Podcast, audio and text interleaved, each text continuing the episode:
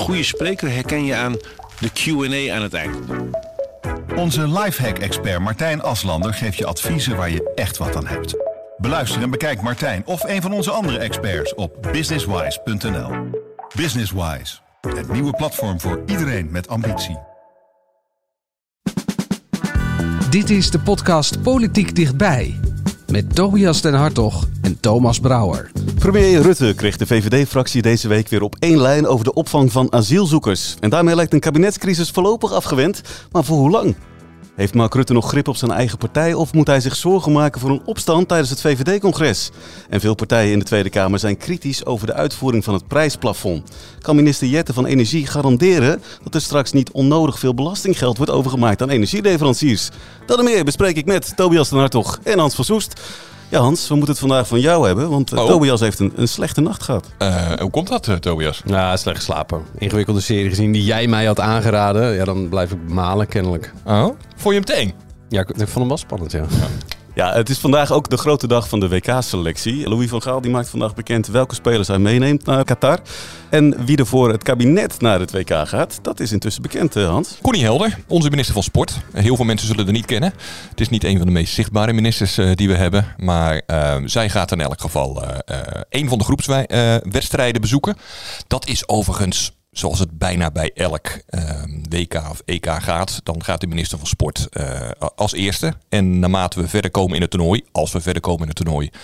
eh, gaat mogelijk de premier en eh, misschien de koning. Ja, eh, je zegt misschien de koning, eh, misschien de premier. Er is toch heel lang over, over gesproken, hè? Van moeten we hier eigenlijk wel naartoe? Er was een Kamermeerderheid die dat niet wilde. Ja, ja, dat is wel leuk. eh, want iedereen had een hele grote mond vooraf. Nee, dat moeten we niet doen. Want mensenrechten, Qatar, dit en dat. Maar ja, we hebben Qatar gewoon keihard nodig. Omdat Qatar een van de belangrijkste producenten is van LNG. Hè, dat is aardgas wat we kunnen importeren makkelijk via grote schepen.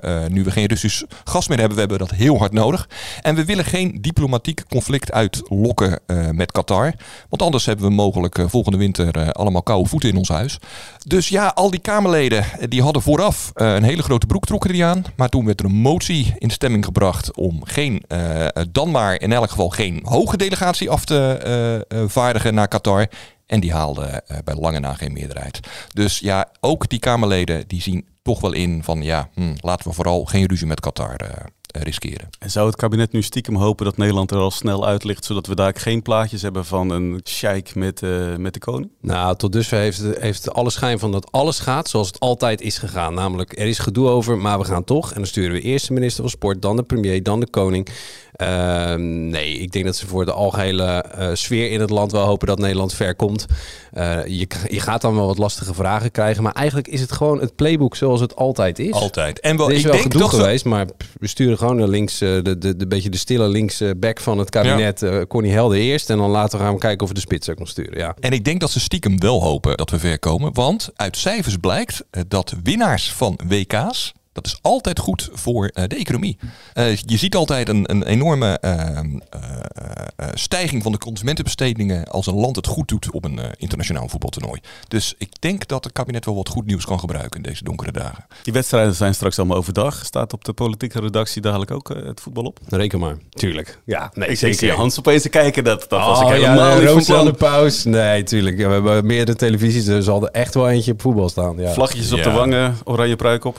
Nou, dat Nou. dan weer niet. Maar eh, we- eh, er zitten wel een aantal grote voetballiefhebbers op onze redactie. Ja, Tobias en ik eh, zijn er daar twee van. Nou, Hans is dan voor Sparta, dus ja, ben, je, ben je dan een liefhebber?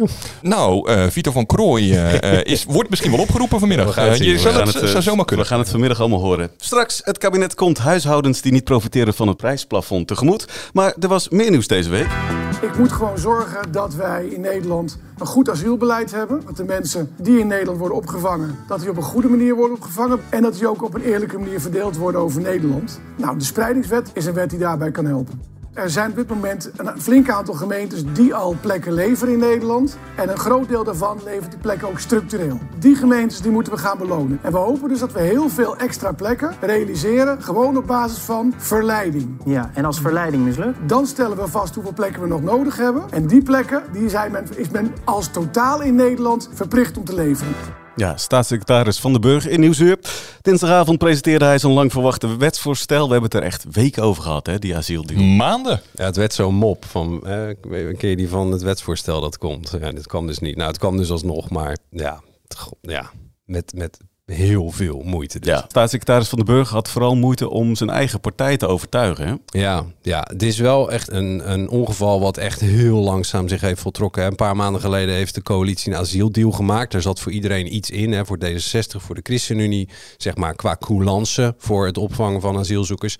En er zat het een en ander in voor de VVD en het CDA qua strengheid. Maar een klein staartje van die deal van toen was dat er ook nog gesproken zou worden over hoe verdelen we nou asielzoekers over gemeenten. En dat met name gemeenten die de afgelopen jaren niet thuis hebben gegeven op het moment dat staatssecretaris bedden nodig had. Ja, die, dat zat de VVD niet lekker. Hoewel je natuurlijk kon zeggen, ja, dat had je toen al kunnen zien aankomen. Maar ja, de fractie heeft toen heel hoog van de toren geblazen. Geen dwang, zoals in Tubbergen. Dat was ook, dat gebeurde dan ineens. Dat was heel groot. Daar werd echt de gemeente gedwongen om, om veel asielzoekers op te vangen.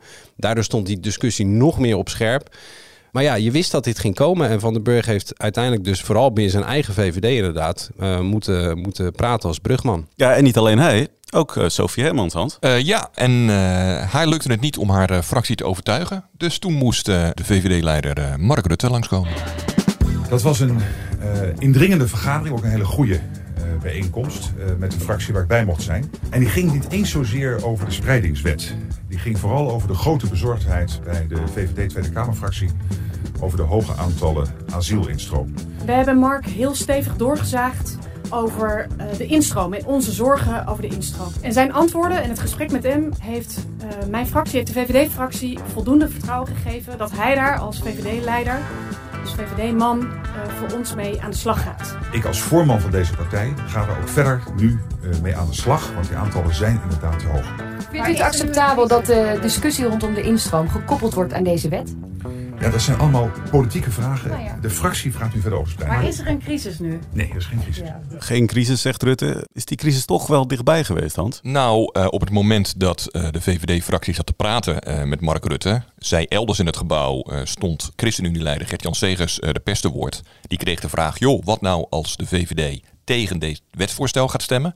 Toen zei Gert-Jan Segers wel met zoveel woorden, nou ja, dan hebben we een probleem in de coalitie. Kijk, ChristenUnie en D66 zaten er vrij hard in. Die zeiden, wij hebben ook pijn moeten lijden bij deze wet. Of uh, bij de aanpak van uh, uh, de asielprobleem. Zij hebben namelijk geaccepteerd dat het wat langer duurt voordat je je gezinsleden mag laten overkomen. Als je eenmaal een toelating hebt gekregen als asielzoeker. En ja, nou moet de VVD ook maar iets slikken. Dat was een beetje, zo zaten zij in de wedstrijd. Nou ja, uiteindelijk heeft de VVD het dus geaccepteerd. Onder de belofte van Rutte dat hij in het kabinet heel hard zijn best gaat doen om het aantal asielzoekers dat uit Nederland komt naar beneden te krijgen. Nou ja, dat uh, klinkt toch een klein beetje als een, uh, een dode mus waarmee uh, de VVD-fractie zich heeft laten blij maken. Want ja, dit proberen we echt al decennia en dat lukt ons niet. Het aantal asielzoekers naar beneden krijgen. Ik heb de beelden gezien en dan zie je een gang vol journalisten. Die zitten allemaal te wachten tot er iemand naar buiten komt. Ik denk dat jullie blij waren dat jullie die dag even wat anders te doen hadden. Nee, ik stond in de gang. Nee, oh, jij ja, was erbij? Zeker, ja, zeker. Nee, ik was een van die... Uh, ik dacht die... uh, dat ik uh, onze collega Hanneke daar zag. Ja, zeker. Maar je staat, je, de, kijk, de, de, de, zo'n zo'n deur, hè, dat is doorgaans op een plek waar er veel ruimte is. Maar dat, dat nieuwe gebouw, dat nieuwe Tweede Kamergebouw, dat, zijn, dat is een soort ja, octopus met heel veel tentakels. En die tentakels zijn de gangen waar de fracties zitten. Dus jullie hebben aan elke gang iemand staan Juist, we- van ja. mochten ze die kant opkomen, Ja. dan staat... Precies, we moesten aan twee kanten van eh, die dunne slurf staan. En eh dat was door de VVD-fractie, dat is ook vrij ongewoon, ook aan de beveiliging gevraagd van... joh, eh, help ons daarbij om de orde een beetje te bewaren. Ik begreep dat ergens wel, want die, dat pand is super gehoorig. Als wij echt aan de deur hadden gestaan van de fractiekamer... ja, dan kan je gewoon horen wat ze zeggen. En ik begrijp best dat je zo'n fractie een klein beetje ja, besloten wil, wil af, afwikkelen. Dus wij werden op, op afstand gehouden, stonden daardoor heel krap inderdaad. De cameramen stonden zo dicht tegen elkaar dat ze hun, eh, hun camera niet eens konden draaien... eh, op het moment dat Rutte door die haag heen moest. Maar het, het, het was vooral een, een. Ik vond het vooral een heel raar gezicht. eh, wat er daarvoor gebeurde. Hè. De fractie was begonnen, s ochtends, gewoon onderling. En Rutte die zat in een kamertje apart te wachten tot hij binnen werd geroepen. Dat Als was het even een lesje nederigheid. dan Ja, het was een beetje. Kijk, het was wel de, de, de VVD-leider die de fractie komt overtuigen. Maar hij moest dus wel even wachten op zijn beurt. Wat al nou, een beetje typisch is. Maar Rutte Rutte kan daar kan vrij goed tegen nederigheid of vrij goed nederig zijn. Dus werd hij, werd naar, naar, naar binnen gehaald. En ja, dat, dat was wel. Het was voor het eerst sinds 2015 dat hij vanuit het torentje naar de fractie werd gehaald om hen te overtuigen van iets. En ja, dat, dat gaf een heel ongewoon beeld dus. Echt, echt een nederige VVD-leider op het matje eigenlijk bij de fractie, die uiteindelijk wel weer gewoon door de pomp ging. Maar ja, Ja, Want je had het over crisis. Hè? Eh, maar het was niet alleen crisis in de coalitie. Althans, daar dreigde eh, niet alleen crisis. Het dreigde vooral crisis binnen de VVD zelf. En dat heeft een lange voorgeschiedenis. Wat je ziet is dat in de loop der jaren... de VVD is nu twaalf jaar, eh, levert hij de premier en zit hij in het kabinet. Weliswaar met andere partijen, maar toch, zij zijn de constante factor. En in die twaalf jaar belooft de VVD verkiezing op verkiezing dat ze iets gaan doen aan het aantal asielzoekers dat in Nederland komt. En dat lukt niet. En die achterban van de VVD die begint te morren. En die begint steeds harder te morren van doe er eens een keer wat aan. Toen kwam ook nog eens een keer dat, dat voorstel dat gemeentes kunnen worden gedwongen om asielzoekers op te nemen. Ja, en dat leidde tot heel veel protesten in de achterban. Dat sloeg over op de Kamerfractie. Ja, en dat eh, kon zomaar eens een keer helemaal verkeerd aflopen. Maar goed, het is nu eh, vooralsnog in de kiem eh, bezworen. Heeft Rutte dan zoveel overredingskracht dat hij in één keer die hele fractie eh, meekrijgt? Of zitten we toch een beetje naar een toneelstukje te kijken daar? Ja, dat, dat weten we dus niet helemaal. Hè. Er, is nog, er is nog niks gelekt uit hoe die fractie is verlopen. Er Ja, is maar gewoon... hebben we een idee hoe, dat, hoe zo'n gesprek gaat? Ik bedoel, jullie zitten op de gang. Jullie Ja. misschien wel iets mee van wat daar binnen Nou ja, gebeurt. kijk, als je, naar de- als je historisch gezien kijkt, dan eh, gaat het precies zoals jij, jij en ik thuis ook wel eens een ruzie hebben. Dat begint met eh, rustig eh, elkaar proberen te overtuigen van argumenten. En op een gegeven moment gaat de stem gaat omhoog en, de, de- en en de ander gaat eens schreeuwen. En dan wordt het onredelijk en dan gaat die ander weer iets onredelijk zeggen. Het zijn net mensen, hè, eh, politici. En dat gebeurt dus ook gewoon bij dit soort discussies. Dit is echt wel vast en zeker een moment geweest dat eh, eh, ze even hebben staan voeteren tegen elkaar. Eh, Rutte kan dat eh, overigens eh, prima, weten we uit, eh, uit het verleden. En de fractie ook. Dus dat, dat zal best wel hebben gebotst. Maar we weten het eigenlijk niet zo. Want het is gewoon weer een ouderwetse VVD-oekase uitgegaan van jongens, kleppen dicht. En eh, dit is de uitkomst. Sophie Hermans doet het woord. Eh, en meer gaan we er niet over zeggen. Dat was natuurlijk ook wel een klein beetje nodig om eh, het imago van Sophie Hermans weer een klein beetje op te vijzelen. Want die had natuurlijk een lelijke kras opgelopen eh, afgelopen weekend toen zij dacht een akkoord te hebben gesloten namens haar VVD-fractie met de drie coalitiepartners, D66, CDA en ChristenUnie. Dat legde ze voor aan de fractie en die fractie zei gewoon, ja, eh, leuk bedacht eh, fractievoorzitter, maar daar stemmen wij niet mee in. Dat was wel echt heel pijnlijk. Dus haar gezag stond ook wel een klein beetje ter discussie. Maar dat is nu natuurlijk niet gered omdat Rutte dan opeens daaruit een probleem helpt, toch? Nou ja, van de andere kant, het is maar net hoe je eh, er tegenaan kijkt. Je kunt ook zeggen, nou ja, de fractie is weer terug in zijn hok. Eh, dus blijkbaar waren de bezwaren ook weer niet zo groot. Hoe spannend is zo'n overleg dan echt geweest? Als je binnen één gesprek... Kijk, die, die fractieleden eh, individueel, die zijn ons als journalisten in principe natuurlijk geen enkele verantwoording schuldig. Als zij zeggen, Sophie Hermans eh, vertelt de uitkomst van het overleg, dan is daarmee in feite de kous af. Maar dat geldt natuurlijk niet voor die VVD-leden. En dan met name de kritische VVD-leden die aanstaande zaterdag, als er een congres is, eh, eh, of volgende week zaterdag, als er een congres is van de VVD, precies dit gaan vragen. Van joh, wat, wat heeft Rutte dan gezegd dat jullie ineens alle problemen zagen verdampen? Want wij hebben nog niks gezien. Dus dat is precies ook wat er binnen de VVD leeft. Er zijn al leden die hebben aangekondigd dat ze een motie willen indienen. Hè? Ja. Eh, even luisteren. Nou, de voornaamste kritiek is heel simpel. Geen dwang. En ik merk dat eh, het aantal kritische leden op gebied van het asielbeleid van dit kabinet, maar ook de tot nu toe eh, buigende houding van de VVD-fractie in de Tweede Kamer, eh, daar minstens zo kritisch op is. Dus eh, als wij een congres gaan hebben met de leden, dan zal daar eh, naar mijn verwachting een stevig statement afgegeven worden dat dit niet de weg is, dat dit niet is waar de VVD voor hoort te staan. Ja, eh, hier hoor je ehm, eh, een van de leden die dus die motie gaat indienen. Of een motie gaat indienen. En we hebben het nu over het asielbeleid waar veel kritiek op is. Maar eigenlijk is er meer aan de hand binnen de VVD. Er, er leeft een breder ehm, gedragen onvrede onder de leden. Van jongens, we dragen nu 12 jaar regeringsverantwoordelijkheid. Wat heeft het ons eigenlijk opgeleverd? Afgelopen zomer zagen we het bij het stikstofbeleid. Toen keerde ineens volkomen onverwacht, eh, dat had in elk geval de partijtop totaal niet zien aankomen, een meerderheid op een partijcongres zich tegen het stikstofbeleid. Ehm, eh, de, bij de verkiezing van de partijvoorzitter werd ook volkomen onverwacht niet de kandidaat die de partijtop had voorgedragen en gekozen, maar een, een, een- concurrent. En dat zijn allemaal uitingen van een ontevreden achterban die zegt: oké, we hebben nu twaalf jaar regeringsverantwoordelijkheid opgedragen. we hebben eh, heel veel compromissen gesloten met andere partijen. Maar wat is er nou eigenlijk terechtgekomen van wat wij als VVD zelf willen? Wat heeft het ons opgeleverd? Heel kenmerkend is misschien wel dat bij de laatste verkiezingen Rutte de verkiezingen heeft gewonnen hè, in 2021 met de slogan: jongens, ehm, eh, we moeten het land besturen. Dus die ging helemaal zitten op regeringsverantwoordelijkheid. Daar heeft hij veel stemmen meegekregen en veel goed. Veel, veel mensen vinden dat ook goed. Maar VVD-leden zeggen ja, leuk, land besturen, maar de VVD staat toch ook ergens voor? Hè? Voor, voor streng asielbeleid, voor veel ruimte voor ondernemers, voor lagere belastingen. Wat komt daar allemaal van terecht? Niets. En daar zijn, die achterban is daar echt ontevreden over. En dat gaan we dus waarschijnlijk volgende week zaterdag zien. Ja, ik denk, ik denk het wel. Kijk, als je even teruggaat naar juni, toen was er dus dat, uh, dat congres uh, waar stikstof centraal stond. En kijk, ik ben bij veel VVD-congressen geweest en je, kun, je kunt eigenlijk in je agenda een uurtje uittekenen. Want je komt daar aan, uh, je drinkt een kopje koffie, je luistert naar de speech van Mark Rutte. En daarna is het bier en bitterballen. Snel naar de borrel. Snel naar de borrel. Er waren geen ingewikkelde moties of lange inhoudelijke discussies of zo. Dat, dat, ik, ik heb dat in al die tijd maar heel zelden meegemaakt. En nu ontplofte dat uh, congres echt. Het was een urenlange discussie van voorstanders van het stikstofbeleid tegen tegenstanders van het stikstofbeleid. En echt koppen tegen elkaar. Nou, uiteindelijk kwam er een stemming. Die werd nipt gewonnen door, het, door, door de criticasters. Hè. Die zeiden van nou, de fractie is te rigide op het stikstofbeleid. Ja, dat was een pandemonium. Dat heb ik bij de VVD nog nooit meegemaakt. En ik, kijk, je kunt niet helemaal voorspellen hoe dat uh, uh, het komende congres zal gaan.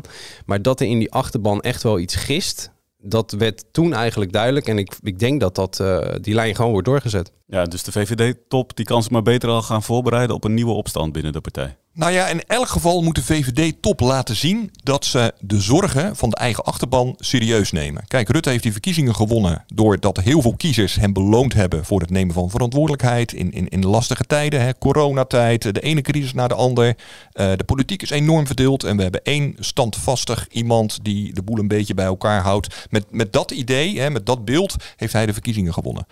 Maar hij moet nu ook iets van de VVD traditionele VVD-punten zien binnen te halen om zijn eigen achterban, zijn eigen leden uh, uh, weer een beetje tevreden te stellen. En zo moet je ook die belofte zien die hij heeft gedaan aan de fractie afgelopen week. Van jongens, ik ga me echt harder inspannen om het aantal asielzoekers dat in Nederland komt naar beneden te krijgen. Maar, dat wordt nog heel moeilijk overigens. Dat kan niet zomaar. Uh, dan zou je verdragen moeten veranderen of gewoon het Nederlandse asielbeleid moeten veranderen. Want dat is wel iets soepeler dan in andere landen. Maar ja, dan moet je weer uh, uh, daar wel een meerderheid voor zien te krijgen. Nou ja, bij D66 en ChristenUnie zien ze je aankomen. Die zijn daar heel erg op tegen. Ja, de kamer, dus, de kamer, in de Kamer is wel een meerderheid. Maar binnen ja. de coalitie is die er niet. Hè? Dus ofwel je, je blaast het kabinet op en je krijgt die zin, de, bij wijze van spreken, met een stemming in de Tweede Kamer. Maar ja, dan ben je wel je kabinet kwijt. En dat is, het, dat is de, het, de VVD ook niet waard. Maar is het nou, Hans, uh, uh, Mark Rutte is, die kijkt oude politieke documentaires, leest veel biografieën, weet ik veel. Die heeft de nadagen van Balkenende letterlijk meegemaakt. Die heeft dan toch ook gezien dat op een gegeven moment raak je als premier een beetje de voeling kwijt, een beetje partij misschien. Is, is er een parallel?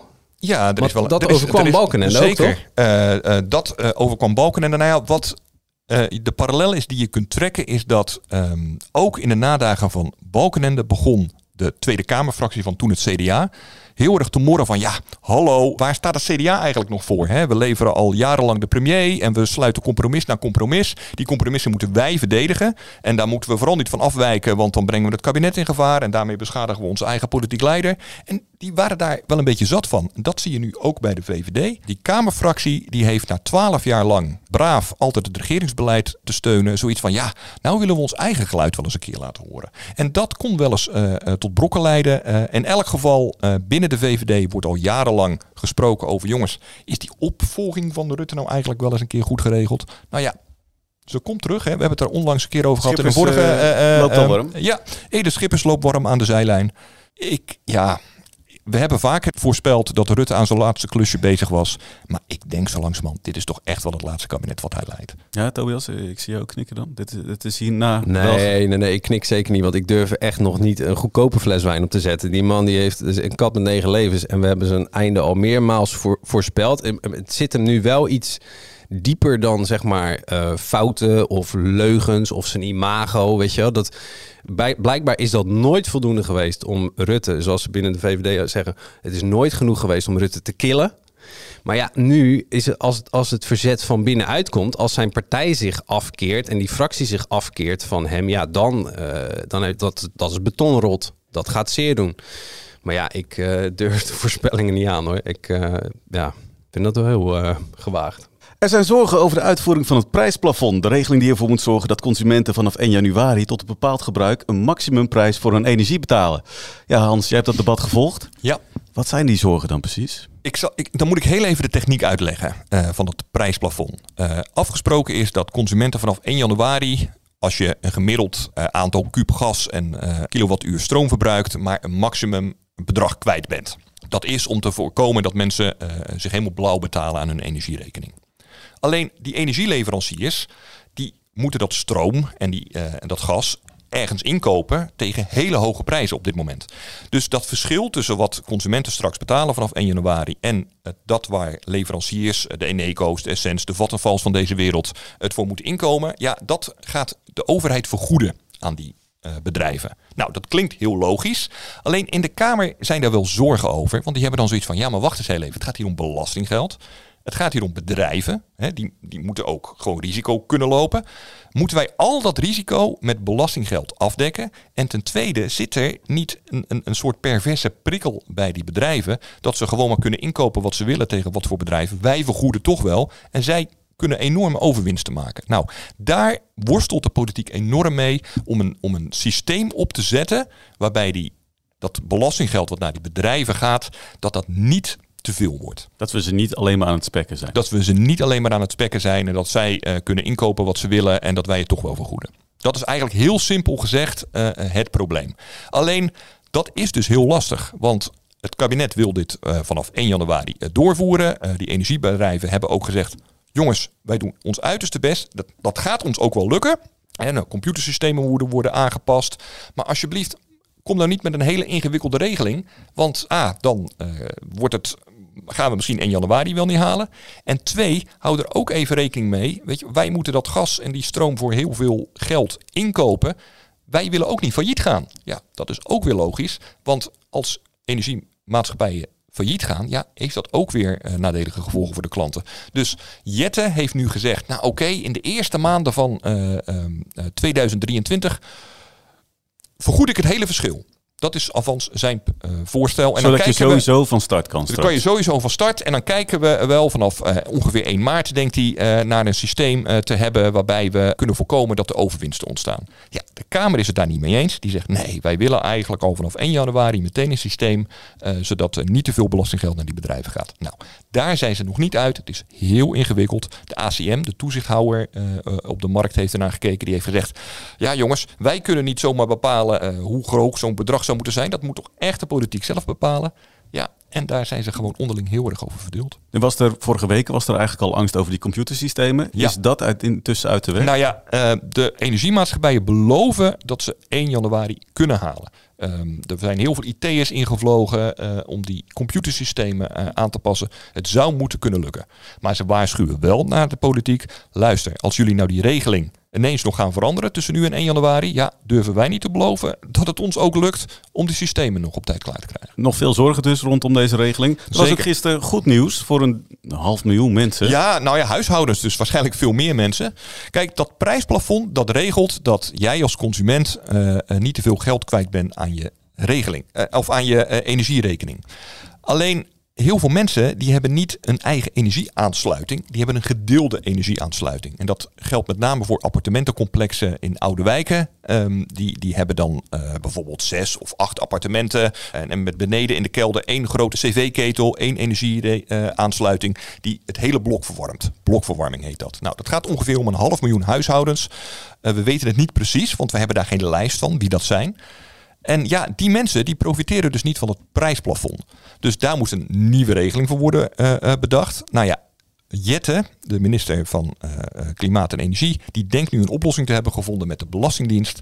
Straks in 2023 kunnen mensen met blokverwarming die, ehm, eh, eh, die ketel wordt vaak beheerd of door een VVE of door de woningbouwcorporatie. Die kunnen dan een bedrag aanvragen, een vergoeding aanvragen bij de Belastingdienst. Die keert dat uit en die vergoeding moet dan worden verdeeld tussen alle gebruikers van die blokverwarming. Maar die moeten daar dus zelf achteraan dan? Dat is vooralsnog wel het. Ja, want we hebben geen lijst. Dat is het grote probleem. We hebben geen lijst van, nou, Thomas en Tobias die, die wonen in een huis met blokverwarming. dat, dat weten we niet.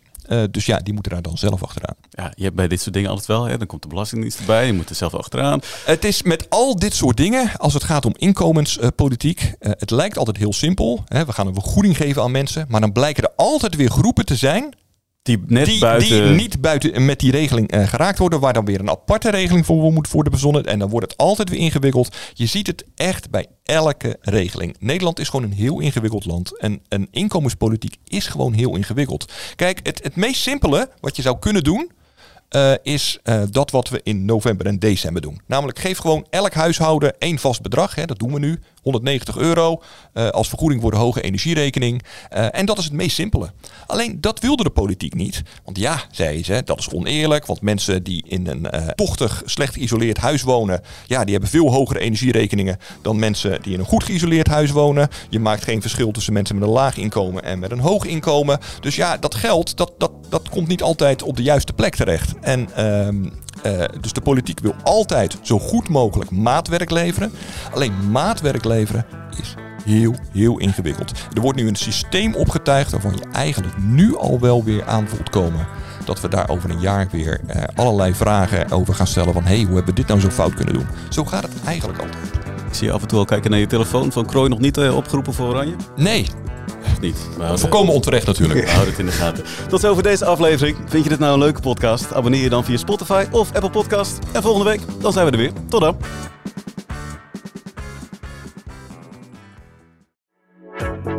Een goede spreker herken je aan de Q&A aan het eind. Onze lifehack-expert Martijn Aslander geeft je adviezen waar je echt wat aan hebt. Beluister en bekijk Martijn of een van onze andere experts op businesswise.nl. Businesswise, het nieuwe platform voor iedereen met ambitie.